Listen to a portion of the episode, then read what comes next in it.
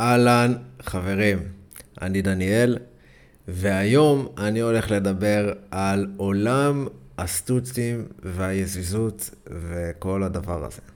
אה, שזה נושא שאני תקופה ארוכה רוצה לדבר עליו, כי קודם כל באופן אישי הוא מאוד מסקרן אותי. אה, העולם הזה, מה קורה בו, הדינמיקות שיש בו, האנשים שלוקחים חלק בו, גם גברים, גם נשים, זה משהו שמאוד מעניין אותי.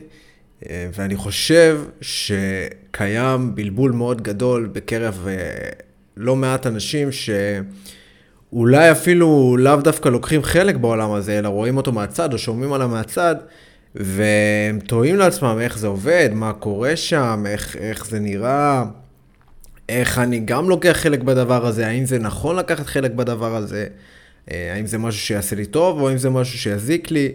כל מיני שאלות כאלה ואחרות, שאני באופן אישי גם כן שאלתי את עצמי אה, בזמנו, ולא היה לי תשובות עליהן. האמת, אני יכול להגיד, לא היה לי תשובות עליהן, עד שרק שמה שנקרא, נכ... התחלתי לאט לאט להיכנס לעולם הזה והתנסיתי שם, וככה התחלתי להבין יותר מה קורה, אבל כשבהתחלה, עוד לפני שנכנסתי, אלא רק שמעתי סיפורים וכאלה, אה, אז לא באמת היה לי ברור מה זה אומר ואיך זה עובד ומה קורה שם, ולכן אה, הפרק הזה נועד לתת תשובות לכל השאלות האלה בהקשר של הנושאים האלה, של סטוצים, של יזיזות, ומה שנקרא כל עולם הסקס חסר המשמעות, נקרא לזה מחוץ ל, ליחסים אה, רציניים, אוקיי? זה, זה הרעיון. קצת רקע על עצמי אני אספר, אם כבר התחלתי אמרתי זה, מי שלא מכיר אותי. אה, לפני, אני היום בן 30, לפני משהו כמו 6-7 שנים הייתי רחוק מהמקום שאני נמצא בו היום. הייתי מאוד נבוך אה, בתקשורת שלי מול בחורות. כמעט ולא הייתי יוצר אה, תקשורת מול בחורות, לא הייתי מתחיל עם בחורות. לא הייתי לוקח חלק יותר מדי בסצנה הזאת מדי פעם, רק עם בחורה שהייתי מכיר במסגרת כזו או אחרת, ואם דבר היה קורה, אה, והייתי מאוד נבוך, לא הייתי יודע איך דברים מתנהלים, מאוד חסר ביטחון, גם במיטה, גם מחוץ למיטה. מאוד מאוד מנותק מכל הדברים שאני מדבר עליהם היום, והטיפים שאני נותן, נותן, נותן אותם היום. הייתי רחוק מזה בצורה משמעותית. והניסיון היחיד שהיה לי שהוא היה משמעותי זה מערכת יחסים ארוכה שהייתה לי בתקופת התיכון ובצבא, אבל לאחר מכן אה, הייתי די אבוד בעולם הזה, למרות שתכלס רציתי לחוות ולהתנסות וגם, או לנסות להיכנס למערכות יחסים, אבל הייתי רחוק מזה, אה, ובתקופה של לפני חמש שנים שעברתי לבאר שבע, התחלתי ללמוד שם באוניברסיטה. אה, התחלתי יותר ויותר להתנסות בעולם הזה, ולחוות וללמוד, ולצאת עם המון בחורות, ו... ולעשות המון שטויות, מה שנקרא, אה, וללמוד גם מאנשים סביבי, גם מבחורות שהייתי נפגש איתם, הייתי לומד המון. ורוב מה שאני הולך לדבר עליו היום הגיע מניסיון של חמש שנים אה, עם אין ספור חוויות וגם ידע מספרים, אבל הרוב פה הולך להיות מהבסיס החוויה האישית שלי. ואתם יכולים לסמוך על זה שזה מידע מהימן, מה שנקרא, כי אה, זה לא דבר שאני מתגאה בו, אבל אני די חי את העולם הזה בחמש שנים האחרונות, את כל העולם שאני הולך לדבר עליו עכשיו. ו... ואני הולך לתת לכם מה שנקרא מבט מבפנים, איך הדבר הזה עובד, אוקיי? איך העולם הזה עובד. אוקיי, אז בואו אה, בוא נתחיל. מה, קודם כל בואו נתחיל בהגדרות, אני אוהב תמיד להתחיל בהגדרות כדי שדברים יהיו ברורים. זה די ברור, אבל מה זה אומר סטוץ? בואו בוא נעשה, נשים את הדברים על השולחן. סטוץ זה בעצם מצב שאני נפגש עם בחורה למשהו חד פעמי. אוקיי, הכרנו לדוגמה בטינדר, סתם דוגמה, והיא באה אליי, שכבנו, אוקיי, וכל אחד הלך לדרכו. לא דיברנו יותר אחד עם, ה, אחד עם השנייה. פה זה נגמר, נפגשנו, יצאנו לאיזה דייט, או ישר הלך, הלכנו לדירה, ו... אה, שכבנו, העברנו איזה לילה ביחד, ופה סיימנו. זה הגדרה של סטוץ, בגדול או הכרנו במועדון זה יכול להיות, באיזושהי סיטואציה כלשהי, זרמנו, כל אחד הלך לדרכו. זה יכול להיות מתמשך, אבל בסטוץ בהגדרה שלו זה, זה, זה ההגדרה one night stand, מה שנקרא, משהו של לילה אחד חד פעמי. מה זה יזיזות? יזיזות זה איזושהי מערכת יחסים ביני לבין בחורה לדוגמה, שהמטרה שלה בעצם, הציפיות של אחד, אחד מהשני זה זה, אפשר לומר שזה נטו, נטו משהו מיני. אין כאן משהו מעבר. אנחנו נפגשים בעיקר, בעיקר כדי לספק אחד לשנייה את הצרכים המיניים, ולא את הצרכים הרגשיים יותר מדי. זה יכול להיות איזשהם דברים קטנים, אבל אין כאן ציפייה ל- ל- לעשות דברים יותר מדי, ולדבר על נושאים כבדים וכאלה, אה, ואני תכף אגע בזה בהרחבה. אבל בגדול ההגדרה של סטוט זה כמו, של יזיזות, סליחה, אפשר לומר שזה כמו סטוט מתמשך. זה נפגשים בשביל אה, לעשות סקס, לספק את הצרכים המיניים אחד של השנייה, וכל אחד הולך לדרכו, אה, ופה זה מסתיים, ברגע שמסתיימת הפגישה, פה זה מסתיים עד הפעם הבאה. אוקיי, זה, זה בגדול הרעיון. ותכף אני ארחיב על זה. אה, ובואו נתחיל, בוא נתחיל לעבור רגע על, על שאלות. קודם כל, אה, מה החוקים, בדיוק מה שהתחלתי עכשיו, מה החוקים של אה, סטוץ או יזיזות? מה החוקים שם, מה, מה, מה מגדיר את זה כמשהו כזה? אצל הרבה אנשים, במיוחד כשמדובר בסטוץ, זה לא דברים שמוגדרים מראש. יש אנשים שפתוחים על זה מראש. זאת אומרת שנגיח מכירים, ועוד לפני ששוכבים מגדירים באופן ישיר, באופן ברור, שלשם זה התכנסנו. הרבה אנשים, גם גברים, גם נשים, לא שם. הם לא שם, הם יותר עושים את זה בצורה מרומזת, ולפעמים יש כאלה, בעיקר גברים, גם ש, שלא באמת שמים את הדברים על השולחן בכלל. אפילו ישחקו איזשהו משחק שהם פעמים בשביל הטווח הארוך יותר, שהם רציניים, אבל זה רק כדי להכניס את הבחורה למיטה ו- ולסיים את זה שם. אז קודם כל לא הייתי ממליץ לעשות את המהלך הזה, אם אתה כגבר, אין סיבה, אין סיבה, יש מספיק נשים שכן רוצות את הדברים האלה, ואין סיבה שאתה תלך לבחורה שלא מעוניינת בדבר כזה, ותעשה עליה איזושהי מניפולציה כזאת, ותשקר לה שאתה מחפש משהו אחר, רק בשביל אה, לשכב איתה, למרות שאתה יודע שאתה לא באמת מכוון לטווח הארוך. אין סיבה, כמובן שיכול לקרות מצב שאתה תיפגש עם מישהי שאמרת, שראית אותה לטווח הארוך, שכבתם, ואז הבנת שזה לא זה, זה גם יכול לקרות, אבל אני מדבר על מצבים שאתה מראש יודע. אם אתה מראש יודע, ואתה יודע שהיא מחפשת משהו אחר, עדיף לא להיכנס לשם, סתם קרמה רעה, אין סיבה לפגוע בבחורות ככה, פשוט אין סיבה, יש מספיק בחורות שכן רוצות. אז יש כאן שתי אופציות, או שאני ישיר לגבי זה. זאת אומרת שאני בא ואני אומר מראש שזה מה שאני מחפש, אני שם את הדברים על השולחן. אופציה שנייה זה שאני יודע לשדר את זה בצורה עקיפה. אוקיי, בצורה עקיפה ש, שאני בן אדם שזה מה שהוא מכוון. אני לא אומר את זה במילים, אבל די ברור לי, זאת אומרת, לצד השני מאוד ברור שלשם אני מכוון. זה, זה, זה הרעיון, צריך לדעת איך עושים את זה, אני אגע בזה קצת היום. יצא לי לגעת בזה קצת בעבר, איך לשדר את הפרסונה הזאת, אבל זו, זו הדרך המומלצת, אגב, אני, אם אתה באמת, התכנון שלך זה להשיג כמה שיותר כאלה, אתה תשיג הרבה יותר אם אתה תצליח לשדר את זה בצורה עקיפה, דרך ההתנהגות שלך ומה שאתה משדר, לשדר איזושהי דמות של player, של fuckboy כזה, אתה, אתה תשיג הרבה יותר מאשר אם אתה תבוא ו... כמו שהרבה גברים עושים, איך שהם אה, פוגשים בחורה בטינדר, מה את מחפשת? שואלים אותה מה את מחפשת, אני מחפש משהו חד פעמי. זה, זה בהרבה מקרים לא יעבוד, כי בחורות צריכות את הסיפור. גם אם הן מחפשות משהו חד פעמי, כמו איזה סטוץ או אפילו איזה יזיזות, הם עדיין יעדיפו שיהיה שם איזשהו משחק. איזשהו סיפור כזה, איזשהו חיזור, ולא מצב של כאילו, אוקיי, אה, מה את מחפשת? אני מחפשת סקס, גם אני מחפש סקס, יאללה, בואו נזדיין. יש מקרים כאלה, אני באופן אישי פחות אוהב את זה. פחות אוהב את זה, גם במקרים שרציתי דברים חד פעמיים, העדפתי שיש שם את המשחק ואת הפלירטוט ואת כל העניין הזה ואת כל ה build-up הזה, ולא מצב של כאילו, טוב, זה הכתובת שלי, בוא תבוא, ונפגשים, ישר נכנסים למיטה ו- ושוכבים. שיש מצבים כאלה, יצא לי להיות במצבים כאלה, אני באופן אישי לא מתחבר לזה, זה מרגיש ריק וזול מדי, מדי כאילו, ולא כיף. אמ, אז משהו שאני פחות אוהב, אבל יש גם כאלה. אוקיי, אז זה שני האופציות. בעצם איזשהו מצב שאני משדר את זה, או בצורה כזאת או בצורה כזאת. אמ, יזיזות, מה בעצם החוקים של יזיזות? יזיזות, כמו שאמרנו, זה מצב שבו אני נפגש עם בחורה בשביל העניין המיני.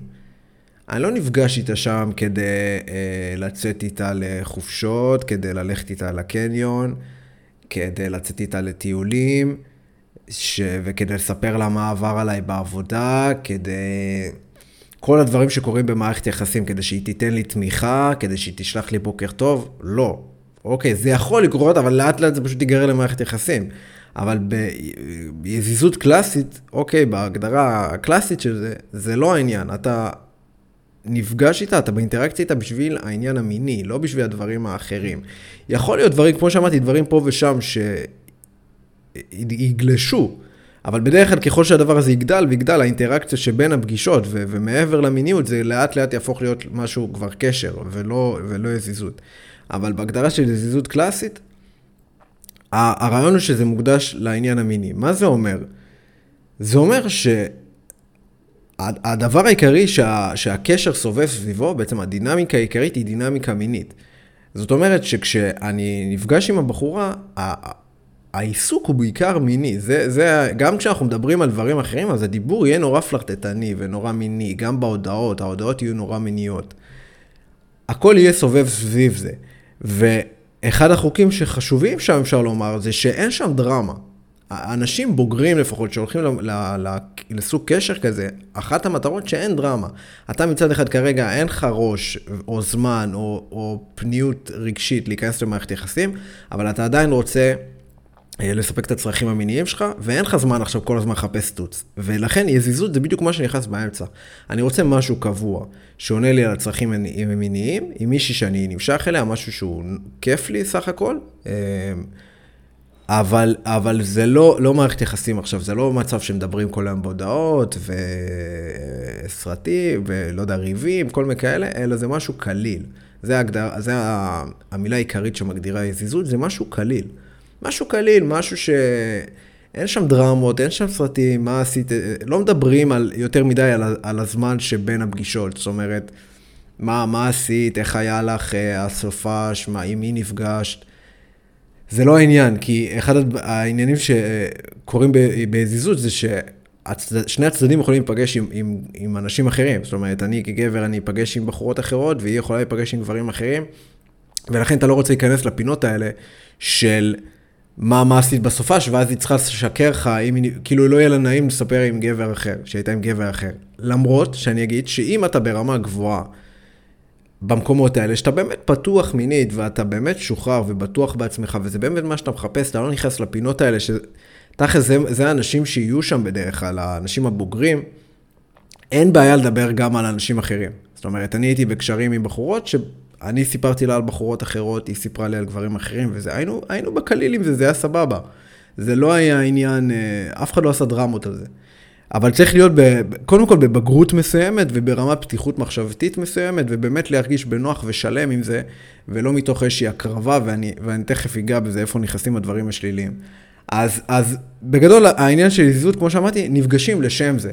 זאת אומרת שכשאתה מדבר עם הבחורה, אתה מדבר איתה בעיקר כדי לקבוע פגישה. אתה לא מדבר איתה סתם בהודעות.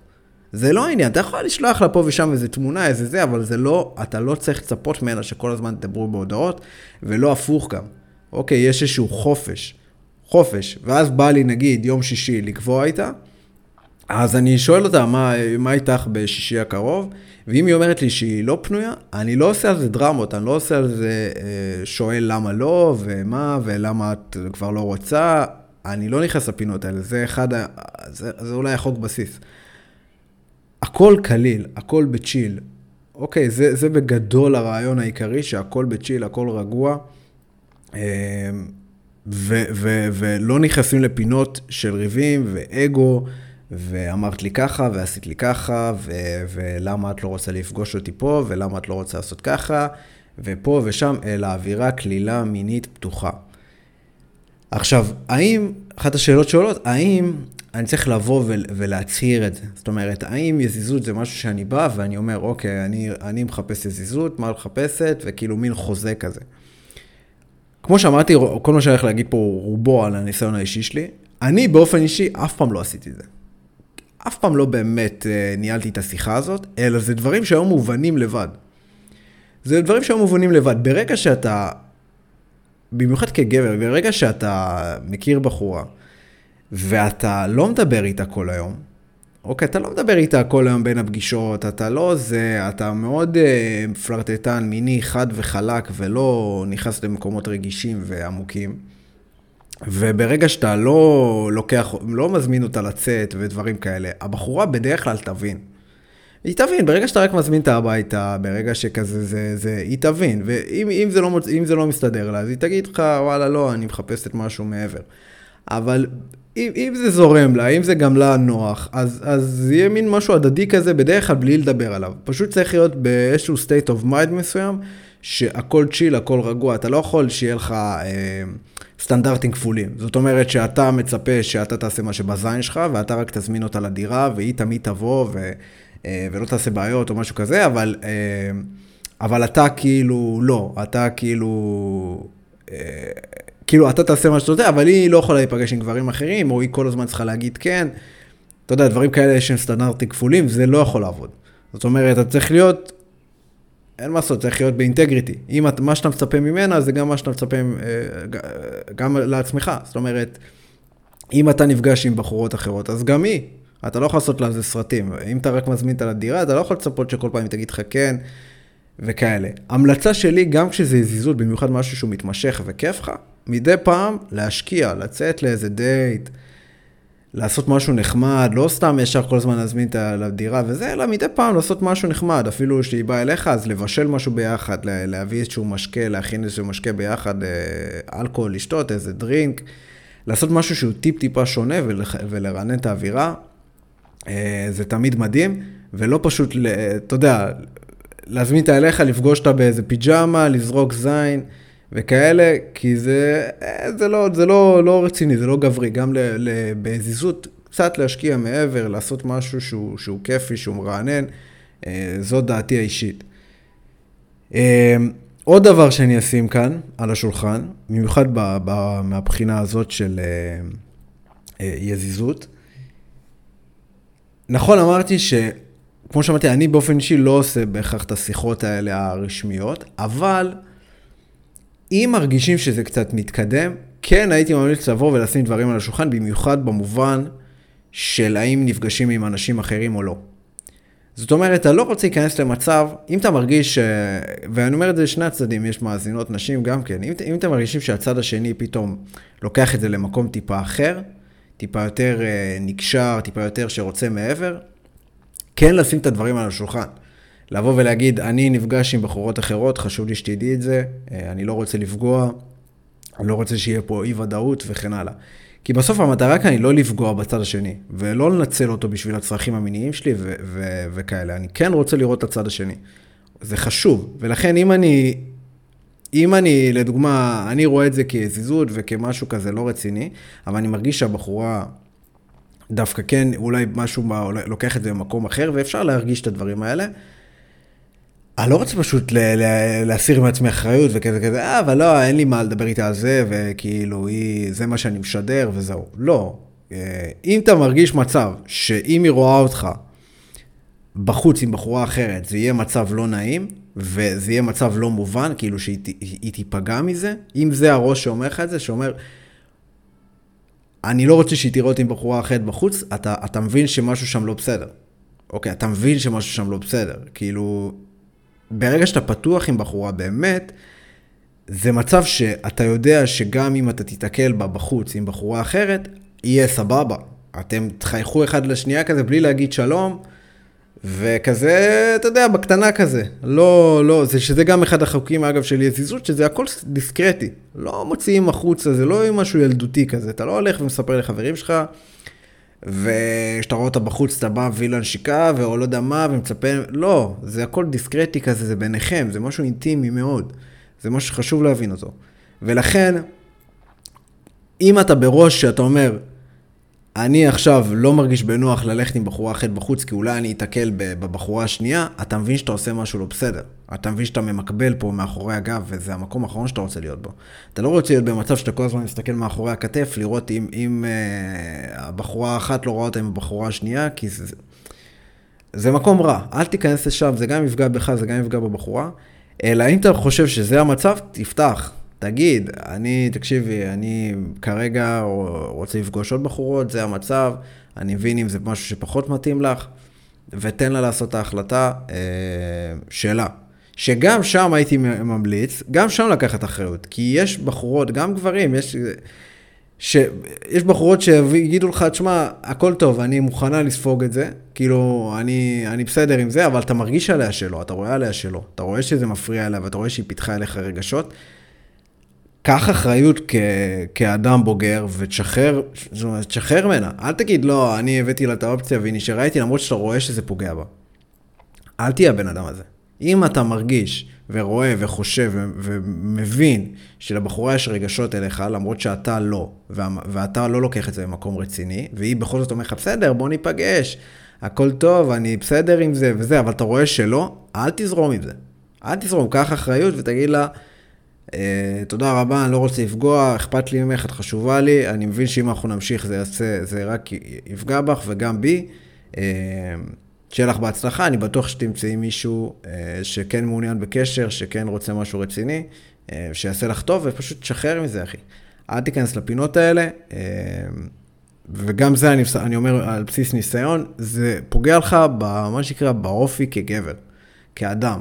לבוא ולהגיד, אה, אני, מה אכפת לי, אני אמרתי לה, היא, זה, אם היא רוצה להמשיך, אחלה, אני, מה אכפת לי, אני אקבל את הסקס שלי, יש לי עוד בחורה בזה. לא, אל תיכנס לשם, אחי. זה רק יפגע לך מה שנקרא בקרקטר, באופי, כאדם. ולמרות שזה כאילו על הנייר זה חוקי, כי אתה אמרת, אבל עדיין. תהיה אה, באינטגריטי עם הקול הפנימי שלך ותיקח אחריות גם על הצד השני. אז אה, זה מהבחינה הזאת. אה, אז כמו שאמרתי, בגדול בנושא שני הזה, החוקים הם כאלה, משהו דיסקרטי, קליל, ברור לשני הצדדים לאן זה הולך, אוקיי, הדברים על השולחן, אה, מאוד מיני, מאוד פתוח. אפשר לשתף דברים, הכל בכיף, אבל זה לא נכנס לפינות רגשיות עמוקות, אלא קלילות זה שם המשחק. כשאני רואה את הבחורה בחוץ, קליל, אני לא עושה, אני, אנשים מסביב לא ידעו בכלל שקורה בינינו משהו. אוקיי, נניח אני אהיה בקטע כזה עם מישהי מהעבודה או מהלימודים, כשאנחנו נהיה ליד אנשים אחרים, אף אחד לא ידע שקורה בינינו משהו, אנחנו נתנהג רגיל, זה כל היופי פה. אנחנו נתנהג רגיל כאילו אף אחד לא יודע, והיה לי כמה מקרים כאלה. זה היופי, אתה רוצה להיות שם כגבר, אם אתה רוצה למשוך אליך דברים כאלה, זה המקום שאתה רוצה להיות בו. שאתה, זה באהלן אהלן, אתה לא, אתה לא עושה מזה, אתה לא מתלהב מזה, ואתה לא הולך ומספר לכל העולם, אלא אתה דיסקרטי, מי שבחוץ לא יודע, רק זה ביניכם לבין עצמכם. אה, וזה מה שהופך דבר כזה למוצלח. אוקיי, זה מאפשר לשניכם להרגיש בנוח, אה, להרגיש פתוחים, לדעת שהכל טוב, זה לא משהו שיוצא החוצה, זה לא דורש את כל המעמסה הרגשית הזאת, אלא זה משהו רק ביני לבינה, צ'יל, כל אחד נהנה, מספק את הצרכים שלו, אה, והולך לדרכו. זה, זה, זה מה שהופך ליזיזות למוצלחת, מה שנקרא. אה, הדיסקרטיות הזאת וה, והביטחון הזה, ש... הכל טוב, זה ביני לבינה, שנינו יודעים איפה אנחנו נמצאים, זה, זה מקום מאוד בוגר להיות בו. אה, אוקיי, איפה מוצאים, עוד שאלה, איפה אני מוצא את הדברים האלה? במיוחד כגבר, איפה אני מוצא את הסטוצים ואת הזיזות וכן הלאה. אז אה, קודם כל, התשובה לזה היא לא מאה אחוז אה, ברורה, כן, כן, תשובה חד משמעית, כי כל בחורה באיזושהי תקופה בחיים שלה, כמעט כל בחורה תרצה סטוצים. אה, ולחוות ולהתנסות, וגם יזיזות. אוקיי, בחורות שהן עכשיו בזמן התואר, בזמן תקופת מבחנים, בזמן זה, אין להן ראש עכשיו למערכת יחסים. אה, ויזיזות זה אחלה, אחלה דבר עבור הרבה אנשים, עבור הרבה בחורות. אוקיי, זה, זה משהו שהרבה אנשים מחפשים אותו. הם אמנם אולי לא ידעו בזה, אבל, אבל זה משהו שיחסית, כאילו, הם לא יבואו ויצהירו את זה. כי במיוחד בחורה, כי זה לא משהו הכי נוח, אה, כי אנשים מבקרים את זה, ו... ויכולים להגיד כל מיני דברים, אבל הרבה בחורות והרבה אנשים מחפשים את זה. איפה מוצאים את זה? הדבר הכי קל לומר זה טינדר, אוקיי? בדרך כלל, בדרך כלל, למרות שכבר זה לא בדיוק האפליקציה לסטוצים, אבל הדבר, המקום הראשון שרוב האנשים ילכו אליו ברגע שהם מחפשים דבר כזה, זה, זה בדרך כלל טינדר. אז אם זה הדבר היחיד שאתה מחפש, קודם כל הייתי מתחיל משם. אבל כמו שאמרתי, אפשר לראות את זה בכל מקום. כל מקום אתה יכול להתחיל עם בחורה, בבר, במועדון, בא, באוטובוס, לא משנה מה, אתה יכול להתחיל והיא תהיה רלוונטית לדבר כזה. אוקיי, זה, זה לא, אין כאן הגדרה מוחלטת. זה לא שאם אתה רואה בחורה שהיא... אתה פוגש אותה באוניברסיטה, זה אומר שלא, היא לא רלוונטית לסטוץ או לזה, לא. אתה יכול להכיר אותה בכל מקום, בים, כל מקום. העניין הוא זה לדעת לשדר את, ה, את הסוג דינמיקה הזאת שתוביל לשם. כי אם אני גבר, וזה מקום שאני הייתי בו בעבר כשהתחלתי את התהליך, אם אני גבר שמשדר תכונות של גבר שמתאים למערכת יחסים, הסיכוי שבחורה תלך איתי לסטוץ או לזיזות הוא נמוך. הוא נמוך. למה הוא נמוך? כי בחורה, יש לה, יש לה מין, היא, היא, אולי אני אעשה את זה פרק בנפרד, יש לה, היא מבדילה בין גבר שהוא למשהו רציני ומשהו שהוא לא רציני. אפשר לקרוא לזה מישהו שמאהב ומישהו שהוא מספק. ויש משהו באמצע גם. אבל אם, אם היא תופסת אותי כמאהב, היא, יש יותר סיכוי שהיא פשוט, אם, אם הראש שלה זה למשהו חד פעמי או משהו כזה רק מיני, היא תלך איתי ולא עם המספק. למה? כי אם הבחור שהוא מספק, שהוא יותר מתאים למערכת יחסים, היא לא תרצה לבזבז עליו סטוץ, היא לא, היא לא תרצה שהיא תתפוס אותו, שהוא יתפוס אותה כאחת של סטוצים. היא תרצה שהוא יתפוס אותה כאחת למערכת יחסים. ולכן היא לא תשכב איתו בשביל הכיף ותעשה איתו שטויות. כי היא לא רוצה ליצור רושם רע. היא רוצה אותו למערכת יחסים, היא לא רוצה אותו לאיזה. אם מישהו שנתפס כמאהב, אם מישהו שהוא כזה סטוציונר, פלייבוי, fuckboy, player, כל זה, היא אומרת לעצמה, מה אכפת לי? אני רוצה לעשות שטויות. הוא הבן אדם לזה, כי במילא הוא לא בן אדם למערכת יחסים, זה במילא מה שהוא עושה, אז אני אעשה את זה איתו. אוקיי, אני אעשה את זה איתו, אני לא... מה אכפת לי? הוא דיסקרטי, הוא זה מה שהוא עושה, הוא לא מתרגש מזה, אז עדיף לי לעשות את זה איתו.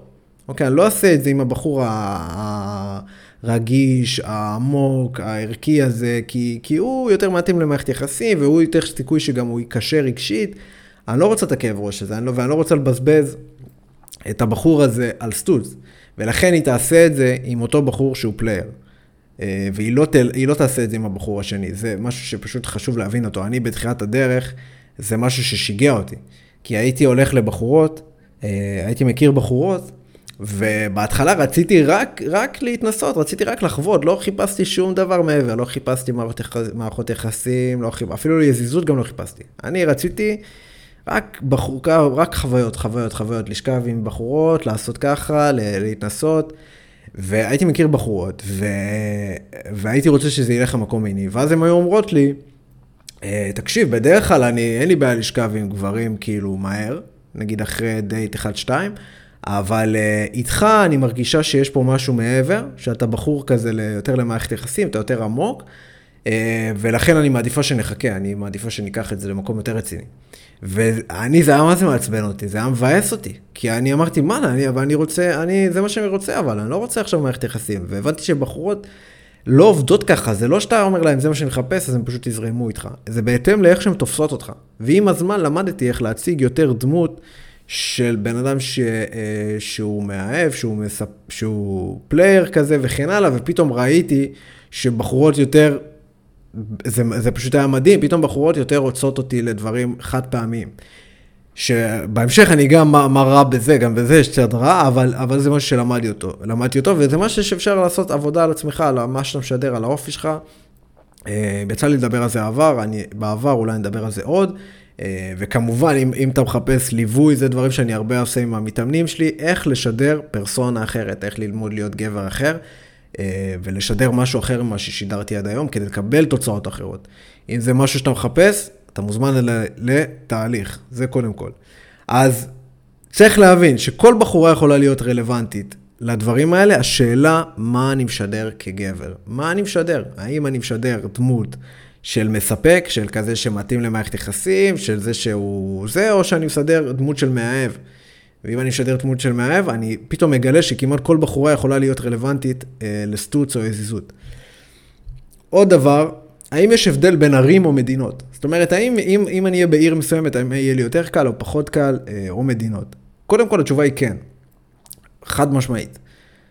יש ערים, כמו לדוגמת תל אביב, ברור, שאנשים שם יותר פתוחים. אין מה לעשות, הם יותר פתוחים. אוקיי, אני במקור אה, מאשקלון, ובאשקלון המצב שונה, כי, כי אתה, רוב הבחורות כאן מחונכות, מחונכות ל... בצורה יותר, מה שנקרא, סגורה, וכן, זה מקובעת או שמורה, ולכן הן פחות יהיו פתוחות לדברים האלה. הן רואות בזה כמשהו רע, וברור שאם אני אהיה בתל אביב, אז הסיכוי יותר, כי אנשים יותר ליברליים, יותר פתוחים, ובחורות יותר פתוחות לרעיון הזה של להעביר משהו לא רציני עם גבר. אין מה לעשות, זה משהו שהוא, שהוא מאוד תרבותי, מאוד בתפיסה, אה, וכנ"ל לגבי מדינות, יש מדינות שהן יותר שמורות, ויש מדינות שהן פחות שמורות. בישראל יחסית אנחנו נחשבים מדינה שמורה, יחסית, בגלל הדת ועניינים. ואם אתה תלך למקום כמו ארה"ב או קנדה, אה, או בדרום אמריקה, אה, בחורות שם, הן פחות לוקחות סקס כמשהו רציני, הן לוקחות את זה כמשהו אה, קליל על הדרך, הן יותר פתוחות לגבי זה, יותר חופשיות, ולכן הסיכוי למצוא שם דברים כאלו הוא הרבה הרבה יותר גבוה. הוא הרבה, הוא בעצם, לא זה הרבה יותר גבוה, הרבה יותר קל, גם פה אתה יכול להשיג את זה ב... ב אם אתה יודע איך להתנהל ולתקשר, אתה יכול למצוא את זה בכל מקום. אמ, אבל אין מה לעשות שיש, ככל שהתרבות היא יותר פתוחה לגבי אה, מיניות וסקס וכל הדברים האלה, אז יהיה יותר קל, כי בחורות, יהיה להן פחות התנגדויות לעשות את הדברים האלה. כמובן שכבחורה, אוקיי, במיוחד בחורה שנראית טוב, יכולה למצוא את זה בכל מקום, זה לא בכלל שאלה, אמ, זה עסק שונה לגמרי. אבל כגבר, כן, יש משמעות למאיזה רקע הבחורה הגיעה, ומה האמונות שלה ומה הערכים שלה, ולפי מה היא פועלת. כי אין מה לעשות, יש בחורות שיהיה להם חוק, אני עד דייט שלישי-רביעי לא שוכבת עם גבר, אה, ויש כאלה שיגידו, לא, אני, אין לי בעיה, כאילו, אני אה, בדייט ראשון, אם, אם הבחור אה, סבבה איתו וכיף איתו, אז אני אזרום איתו ממועדון או משהו כזה. אז זה מאוד מאוד שונה. עוד שאלה, איך לדעת שהבחורה בעניין לסטוץ אה, או לעזיזות. כמו שאמרתי, הרבה גברים, מה שהם עושים, פשוט שואלים באופן ישיר. הם, עושים, הם שואלים באופן ישיר, נכון, מה את מחפשת? אה, מה את מחפשת, מה את זה, מה בא לך, שזה גם, זה יכול להיות סבבה. יש, יש לא מעט בחורות שהם יאהבו, שזה יתאים, כי, כי זה חוסך זמן, זה חוסך זה, אה, וזה משהו הרבה יותר, מה שנקרא straight to the point, ישר לדוך לעניין. העניין הוא שהרבה בחורות גם לא. יש הרבה בחורות שכן יחפשו, איזשהו מקום במוח, הם כן יחפשו, יהיה להם את הפנטזיה הזאת לאיזה משהו חד פעמי, או משהו קליל, אבל הם לא יגידו את זה ברמת המילים. הם לא, כי, כי בגלל הביקורת, בגלל איך שזה נשמע, בגלל שאולי פתאום הבחור הזה דווקא, הוא כן מתאים למערכת יחסים, ואז אמרתי לו שאני מחפש את סוס, ואז זה כבר שרף את זה.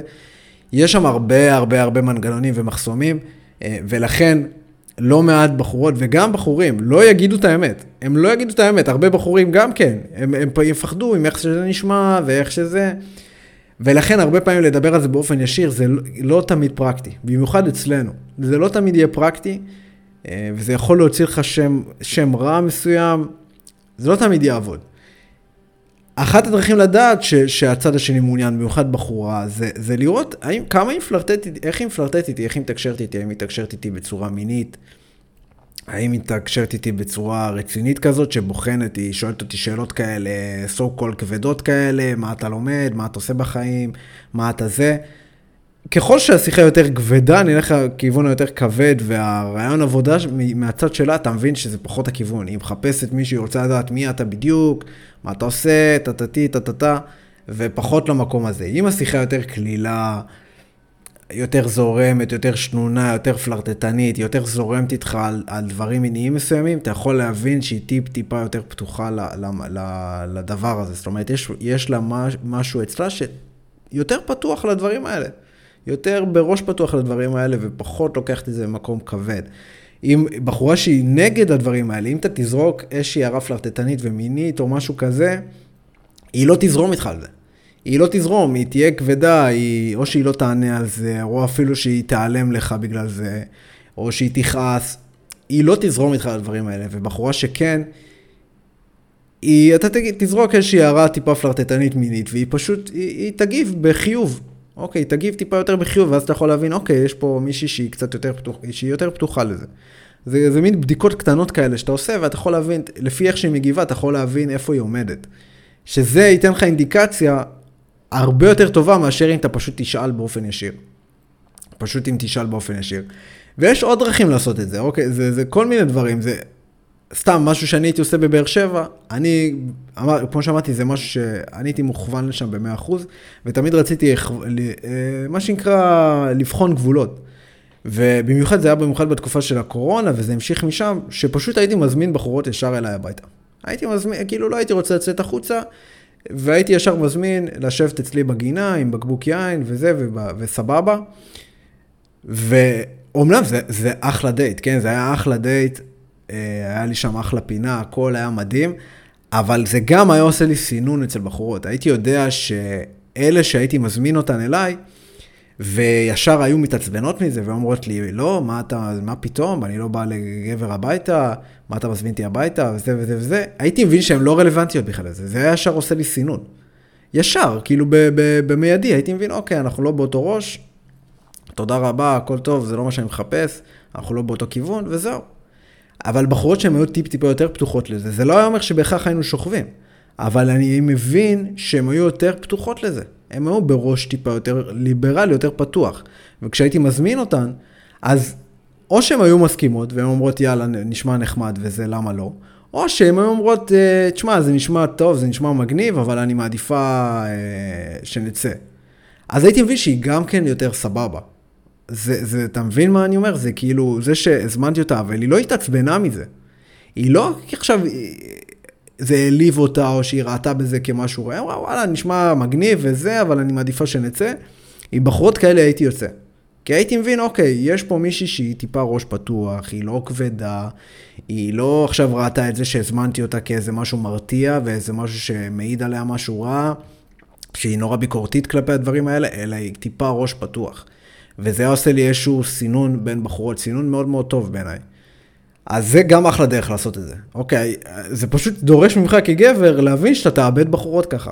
אתה תאבד, כי יש הרבה בחורות שאתה תזמין אותן, וזה מבחינתן ישרוף אותך. כאילו נשרפת אצלן ברגע שהזמנת אותן, כי אצלן בראש אתה רק מחפש סקס, וכן הלאה וכן הלאה, אבל לפחות זה צריך את הסינון. אלה שאומרות, אה, גברים רק מחפשים סקס, זה, וכל זה, זה הבחורות האחרות שיזרמו איתך לסטוץ או משהו, וגם אם כן, זה הכל יהיה עם רגשות שליליים ורעים, והיא תרגיש תחושת חרטה כזאת, ואתה תרגיש שעשית משהו רע.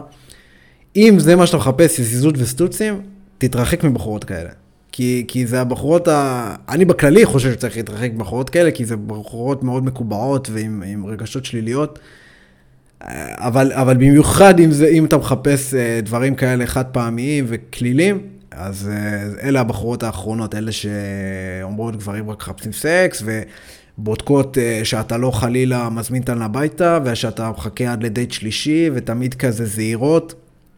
אלה הבחורות האחרונות שמתאימות לדברים כאלה. אז זה שאתה מזמין לדירה, זה עושה לך אחלה סינון התחלתי, בלי לבזבז יותר מדי זמן, על אה, בחורות לא רלוונטיות.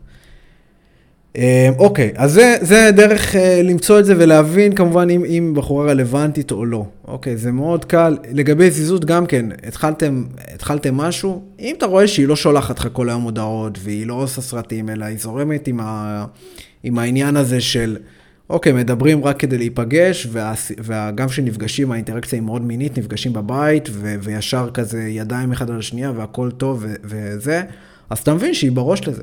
אם היא אומרת לך מה, לאן זה הולך, למה אנחנו לא, בוא נצא החוצה, בוא נעשה דברים, אני רוצה דברים מעבר לזה, אז אתה מבין שהיא לא. אתה מבין שהיא לא, אוקיי, אתה יכול להגיד לה, פה אתה יכול להגיד בכנות, שמי, זה לא מה שאני מחפש, אני מחפש משהו יותר קליל, ואתה רואה לאן זה הולך, איך היא, מה, מה, מה היא עונה לך, מה היא מחפשת, מה וכן הלאה. אוקיי, זה, זה, זה דרך להבין את זה בשלב טיפה יותר מתקדם של הקשר. אמ, אוקיי, אז זה היה עד עכשיו, הגדרתי מה זה סטוץ, מה זה זיזות, איפה מוצאים את זה, איך מוצאים, מה החוקים, טה-טה-טי, טה-טה, כל הדבר הזה. עכשיו אני הולך לגעת בטיפה מעבר. מה זה הטיפה מעבר? זה מה שנקרא לעבור על הדברים הטובים והפחות טובים בעולם הזה. אוקיי? דברים שאני חוויתי בעצמי.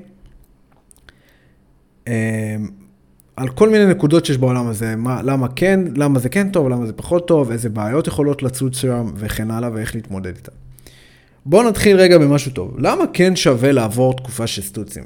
אוקיי, למה שווה לעבור תקופה כזאת של חוויות ולא לוותר על זה, מה שנקרא, אלא... אלא, אלא למה, למה, למה שווה לעבור את זה ולא עכשיו לקפוץ ממערכת יחסים למערכת יחסים, או פשוט המערכת יחסים הראשונה, כן לעשות את זה, כן ללכת עם זה עד הסוף.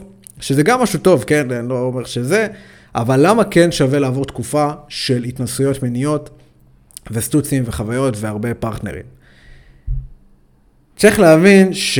אה, במיוחד, במיוחד כגבר, אבל אני חושב שזה רלוונטי גם לנשים.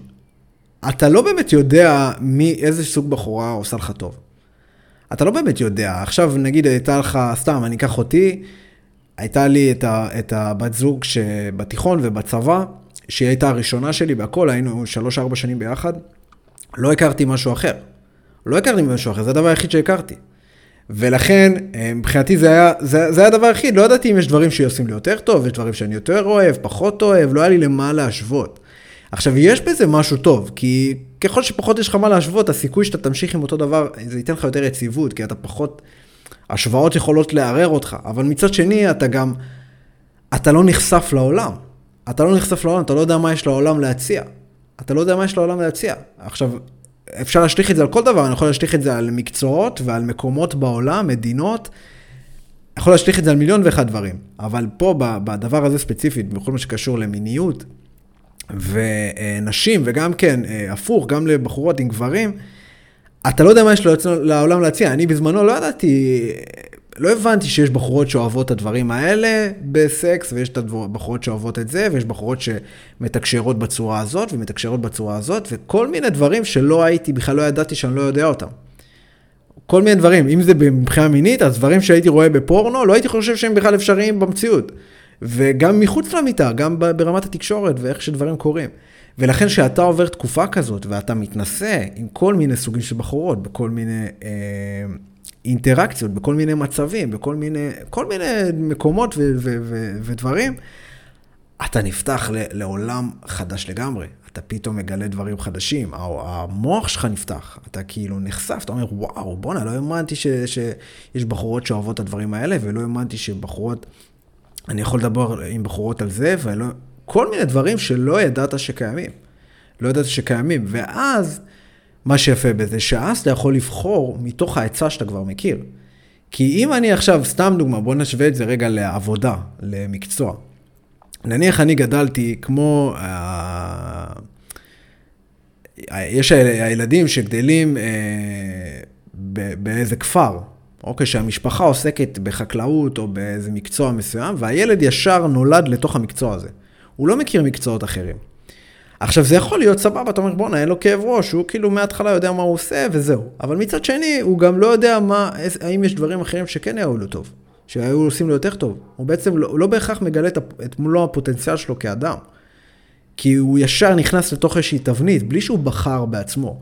הוא לא בהכרח יצר לעצמו את החיים, אלא הוא פשוט הלך עם הדיפולט, עם ברירת המחדל שהביאו לו על ההתחלה, והוא לא בחר מתוך שפע. זה לא שהוא נחשף להמון המון, כל מיני מקצועות, התנסה, התנסה, התנסה, ראה מה יותר נותן לו סיפוק, מה עושה לו יותר טוב, מה יותר מתאים לאישיות שלו, ואיזה סוג חיים שהוא רוצה ליצור, ואז הוא בחר את המקצוע הזה ויצר איזשהו אה, חיים מסוימים. אלא הוא פשוט על, נולד לתוך איזושהי תבנית והלך עם זה. ואותו דבר כאן, אם הכרתי עכשיו בחורה, סתם דוגמה, בגיל צעיר, ואז המשכתי איתה, ש, כשאז לא ידעתי שום דבר, והלכתי איתה, לא בהכרח בחנתי את כל הגבולות שלי וגיליתי מה, מו, מי, אם יש דברים שיותר ככה, ו- וממש נחשפתי לעולם. ולכן כשאני עובר איזושהי תקופה כזאת של התנסויות, אני נחשף לעולם, ואז אני יכול לבחור, אני יכול להבין, בואנה, הסוג הזה של בחורה זה משהו שעושה לי טוב, הסוג הזה של קשר עושה לי טוב, אני אוהב בחורות שעושות ככה, אני אוהב בחורות שהן ככה, שאוהבות את זה, כל מיני דברים, ואז אני יכול ליצור בעצמי, אני יכול להבין מה עושה לי טוב, ומתוך הדבר הזה אני יכול לבחור ובעצם לחפש בחורה לפי הדבר הזה, אה, ו- ובעצם להגדיל את הניסיון שלי, את, היכולת שלי ליצור חיים מתוך בחירה, ולא מתוך איזשהו דיפולט. שהרבה אנשים, הם לא עושים את זה בתוך הזה, הם נכנסים מתוך דיפולט, הם לא פשוט בוחרים. הם לא יוצרים לעצמם שפע ואז בוחרים, אלא הם פשוט הולכים עם הדבר הראשון שמגיע להם. כי הם לא רוצים להיות לבד, אז הם ישר, טוב, מה, מה, מה עובד, מה מסתדר, יאללה, אני הולך עם זה. אה, וזה עולם מאוד מאוד סגור, מאוד מאוד uh, צר. ולכן כשאני עובר תקופה כזאת, זה יכול לפתוח לי את הראש. זה משהו שהוא מאוד, uh, מאוד,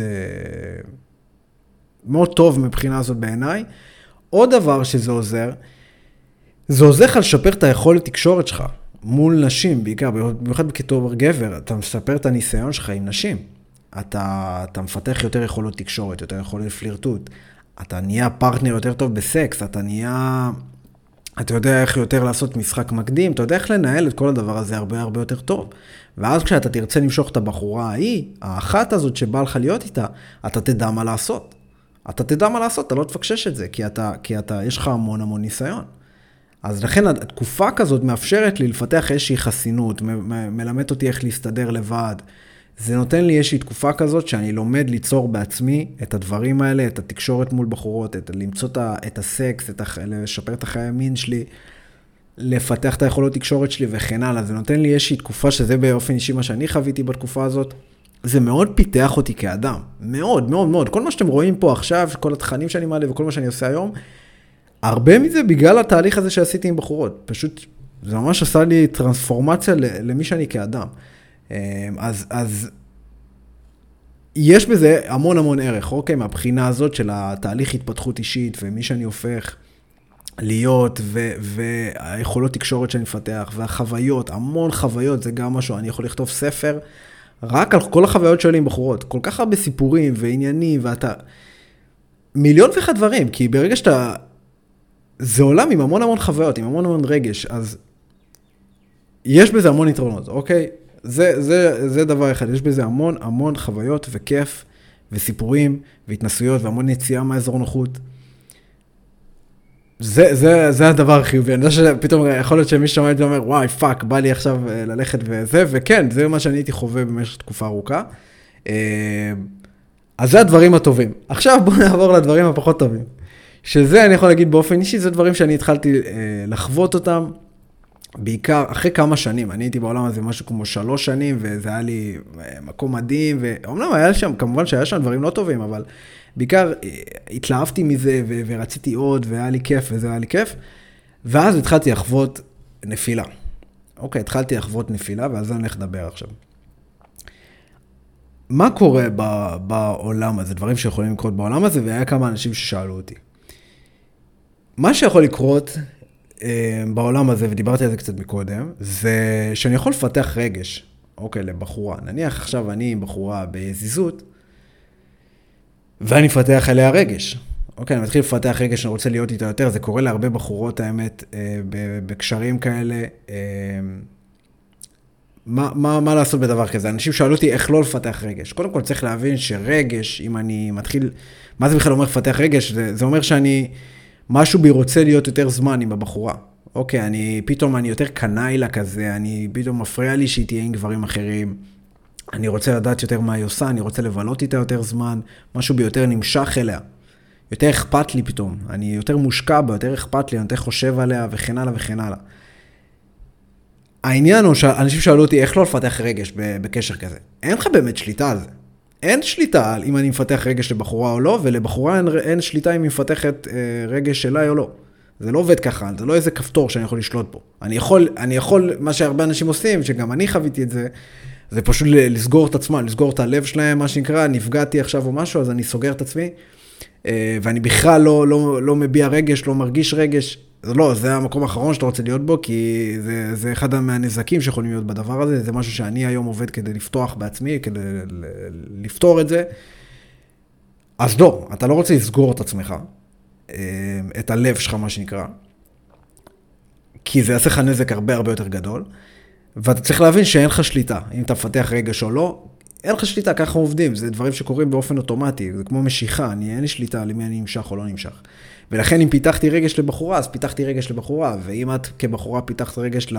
ליזיז שלך, אז פיתחת רגש ליזיז שלך. אין מה לעשות. מה... עם זה אין מה לעשות. מה לעשות אם כבר פיתחתי רגש? דיברתי על זה קצת מקודם. אני רוצה בסוף, אני, מה שבטוח, אני לא רוצה ללכת נגד זה. זאת אומרת, נניח עכשיו אני בזיזות עם בחורה, ו... אה, והתחלתי לפתח אליה רגש, כמו שאמרתי, אני פתאום מתחיל לקנא אליה, ואני רוצה להיות איתה יותר, מתחיל לחשוב עליה וזה וזה וזה. אני יכול לבוא ולשתף אותה בזה, אני יכול להגיד לה, תקשיבי, ככה וככה, הייתי רוצה שניקח את זה לשלב הבא. אוקיי, להיות כנה. ואם היא זורמת, מדהים, אז אתם יכולים להיכנס לקשר, וזה מטורף, כאילו, זה אחלה של דבר. אבל אם היא לא שם, אוקיי, או אם את כבחורה והגבר לא שם, וזה קורה, זה קרה לי בשני הצדדים. זה קרה לי כגבר שאני חוויתי, התחלתי לפתח רגשות ל... אה, להזיזה, וזה קרה לי עם בחורה, שהייתי איתה בהזיזות כמעט שנה והיא התחילה לפתח אליי רגש. זה לא מקום נעים להיות בו. זה לא מקום נעים להיות בו, אוקיי? בשני הצדדים, גם הבחור שאליו, שמפתחים אליו את הרגש, וגם בצד השני, בשני הצדדים זה לא מקום נעים להיות בו. ולכן, וזה גם משהו שלא יכול לעבוד. כי אתה תצטרך, אם אני זה שמפתח את הרגש, והצד השני לא באותו מקום איתי, אני צריך להדחיק את הרגשות האלה. כי מה אמרנו? כי יזיזות זה מקום בלי יותר מדי כבדות ורגש וזה, אלא זה משהו קליל. וכדי שאני אשאר קליל, אני צריך להשתיק את הרגשות האלה. אני צריך לשחק אותה כאילו הכל בסדר. אם אני עכשיו, לדוגמה, מזמין אותה להיפגש, והיא פחות אה, מתאים לה באותו יום, ואני, יש לי רגשות אליה, אז עכשיו אני אתחיל להריץ בראש סרטים, מה, היא נפגשת עם גבר אחר, וזה, ואני אתחיל לדמיין, וזה יכאב לי, וזה יהיה לי לא נעים, זה יהיה, זה, זה יהיה כואב. זה יהיה כואב, אני לא יודע, וזה לא כיף, כיף להיות בו. כבר כל הכיף הזה של הזיזות כבר לא קיים. אותו דבר עם בחורה, שאם פתחת אליי רגש, אתה יכול לפתח רגשות אשם, מה, אני יודע שיש לה רגשות אליי, ואני נפגש עם בחורות אחרות, ואני אולי פוגע בה. ולכן בעיניי, זה לא יכול לעבוד. ברגע שיש רגש במקומות כאלה, ושל יזיזות וזה, זה כבר לא יכול לעבוד. אה, אם זה לא הדדי, ויש רצון הדדי לנסות לפתח את זה במקום רציני, זה לא יכול לעבוד, ולא משנה באיזה צד אני של המשוואה, ההמלצה שלי זה פשוט לסיים את זה. אם הצד השני לא באותו מקום איתי, אני לא יכול לשכנע אותו לפתח אליי רגש, וזה, זה לא עובד ככה, זה צריך לקרות בצורה, אם הוא בילה איתי, אם הבחורה העבירה איתי זמן, תקופה, אנחנו נפגשים, והיא לא באותו מקום איתי, כנראה שאני זה, אני לא הבחור בשבילה. כי אם הייתי הבחור בשבילה, היא גם הייתה מתחילה לפתח את הדבר הזה. אחרי תקופה שנפגשנו, זה לא שיצאנו לדייט אחד. אנחנו תקופה נפגשים ו- ושוכבים וזה, ושנינו לא באותו מקום. גם אני כגבר, אם אני נפגש עם בחורה כאי הזיזה שלי, והיא התחילה לפתח עליי רגש, אבל אני לא מרגיש אותו דבר, כנראה שהיא לא הבחורה בשבילי. כי אם היא הייתה בחורה בשבילי, הייתי, משהו בי נמשך אליה יותר ורוצה לבלות איתה זמן יותר. ולכן אם קורה מצב כזה של חוסר הדדיות, ההמלצה שלי זה פשוט לסיים את זה, כי זה רק יגרור, אחד הצדדים פשוט, זה, זה ייגמר רע. אוקיי, זה ייגמר רע, לא משנה מה, במיוחד עבור זה שפיתח את הרגש, זה ייגמר רע, זה יעשה את זה יותר גרוע. עדיף לסיים את זה. אה, ולהחלים רגע, לתת לדבר, מה שנקרא, להתאבל על זה קצת, להכיל את זה, אה, ולהמשיך הלאה, ל- ל- ולהתחיל מחדש, אוקיי, למצוא, אם אני מחפש משהו רציני הפעם, אז ללכת עם מישהי שמחפשת משהו רציני, ואם לא, אז עוד פעם, קיצור, להתחיל מחדש, אוקיי, אבל לא, לא לזרום עם זה. לא פשוט לזרום עם זה ולהדחיק את הרגש שלי ולהשתיק אותו, או מצד שני, להמשיך להיפגש עם בחורה שאני יודע שיש לה רגשות אליי, ולהגיד על הזין שלי, זה בעיה שלה וכן הלאה. לא, לא, לא להיות במקום הזה. ואני יודע שהרבה אנשים שנמצאים שם, לא, זה מתכון להרס, אוקיי, להרס, הרס עצמי. אז אה, לא להיכנס לזה. וזה מביא אותי לשלב הבא. מתי זה הופך להרס עצמי? מתי זה הופך להרס עצמי? כשאני נכנסתי לעולם הזה, כמו שאמרתי, הייתי חסר ניסיון לחלוטין. הייתי תמים, לא האמנתי שאפשר לשכב עם מישהי באותו כמה שעה אחרי שאני מכיר אותה. לא האמנתי שדברים כאלה קורים. אני הייתי בראש שכדי שאני ובחורה נשכב, אנחנו צריכים לצאת תקופה אפילו. לא האמנתי שדברים כאלה קורים. כאילו ש... שאנשים ככה חיים, שעושים עושים סקס בקלות ובכיפיות ובלי כל ה... הדייטים והרגש והסיפורים. אה, חייתי בסוג של אה, פנטזיה כזאת מאוד מאוד רגשית ו... ו... דיסני כזה. ולא האמנתי שהדבר הזה קיים.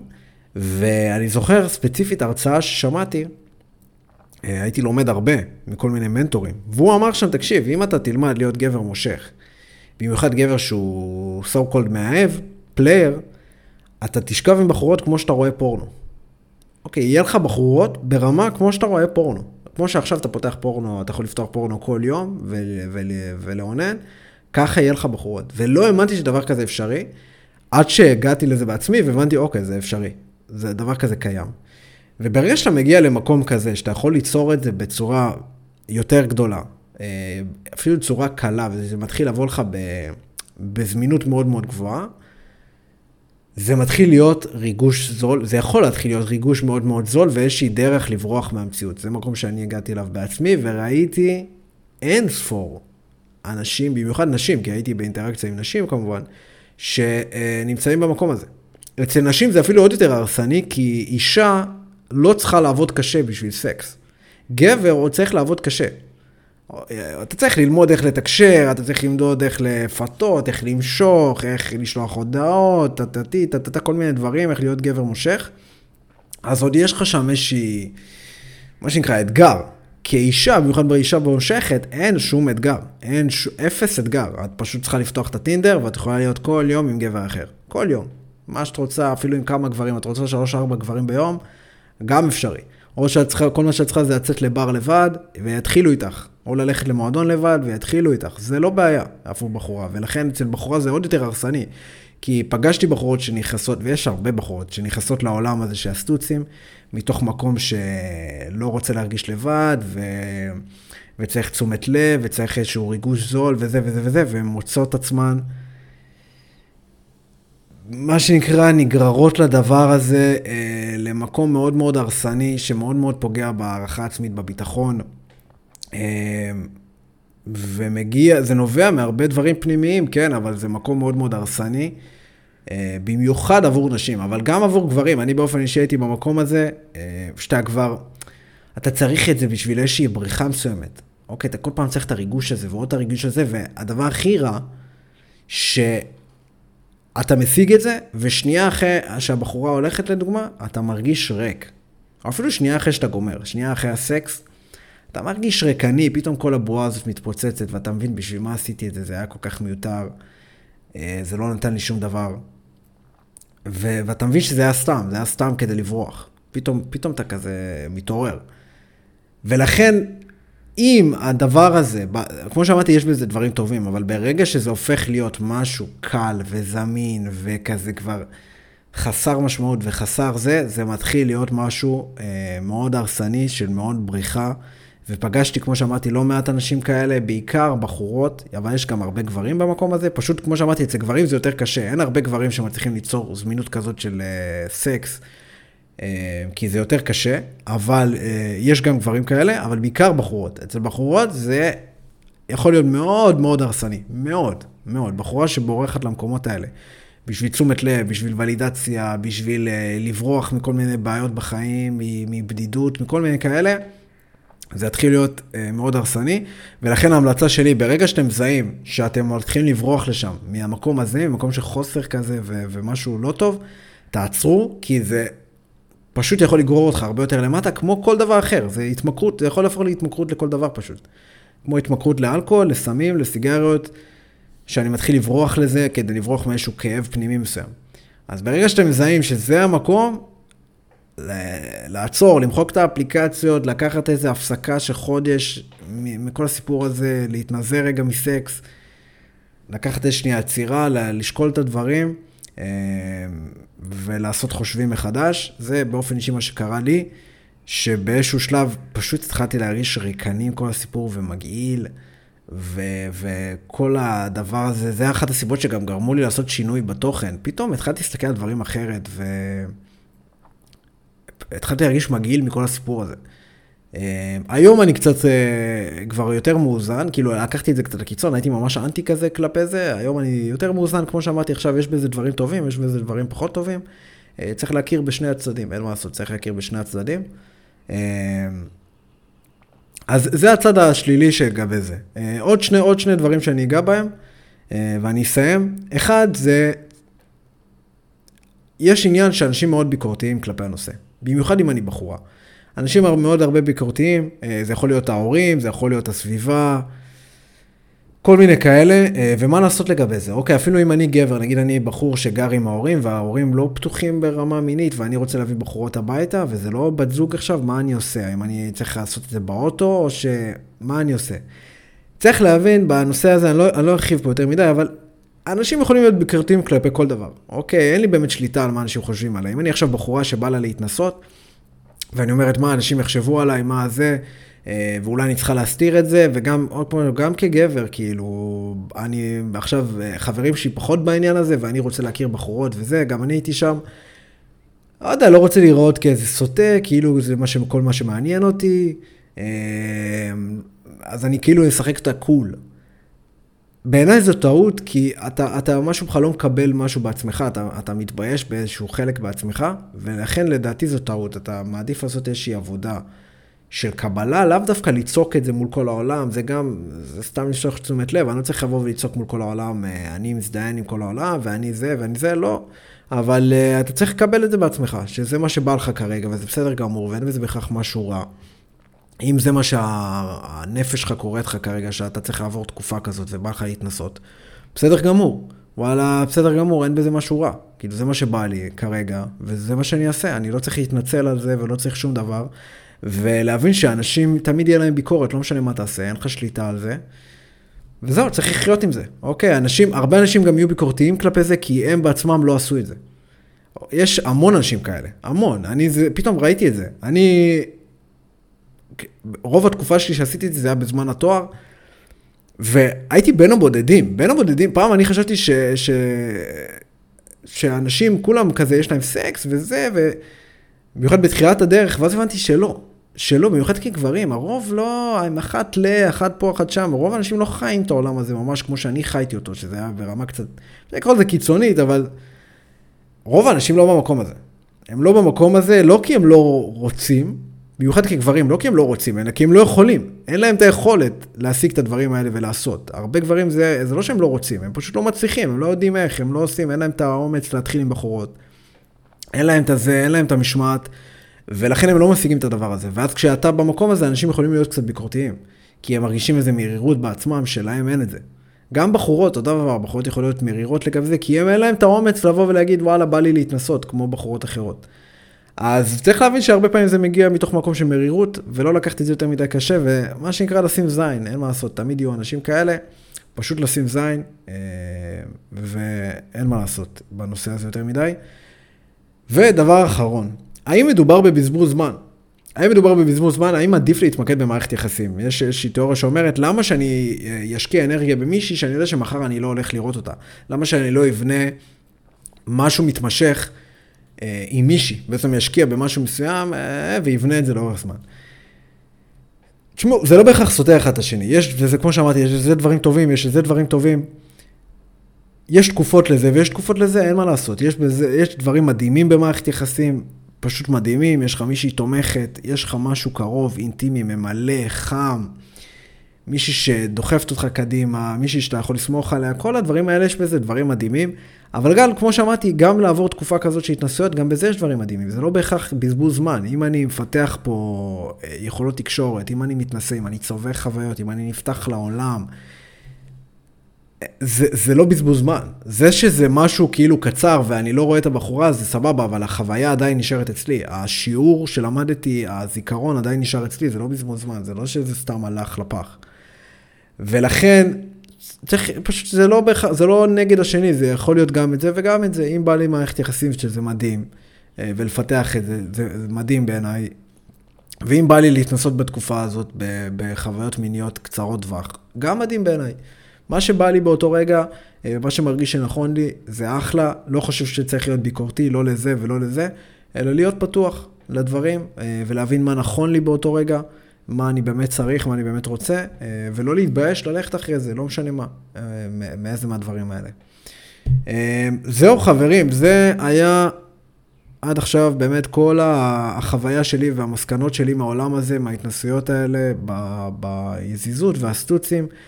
כמו שאמרתי, יש פה דברים טובים מאוד בעיניי, ויש גם דברים מאוד שליליים שיכולים להוריד אותי למטה ולהכניס אותי למקום הרסני. אז כמו כל דבר, כמו כל דבר שאני אתנסה בו, כמו הימורים, כמו סמים, כמו מסיבות, יש דברים טובים, ויש דברים פחות טובים. אוקיי, אין, אין מה לעשות, כמו כל דבר. ולכן, אני צריך להבין את זה, אה, ולקחת את זה בחשבון, ופשוט להיות ערני ולשים לב איפה אני עומד, לאן זה לוקח אותי.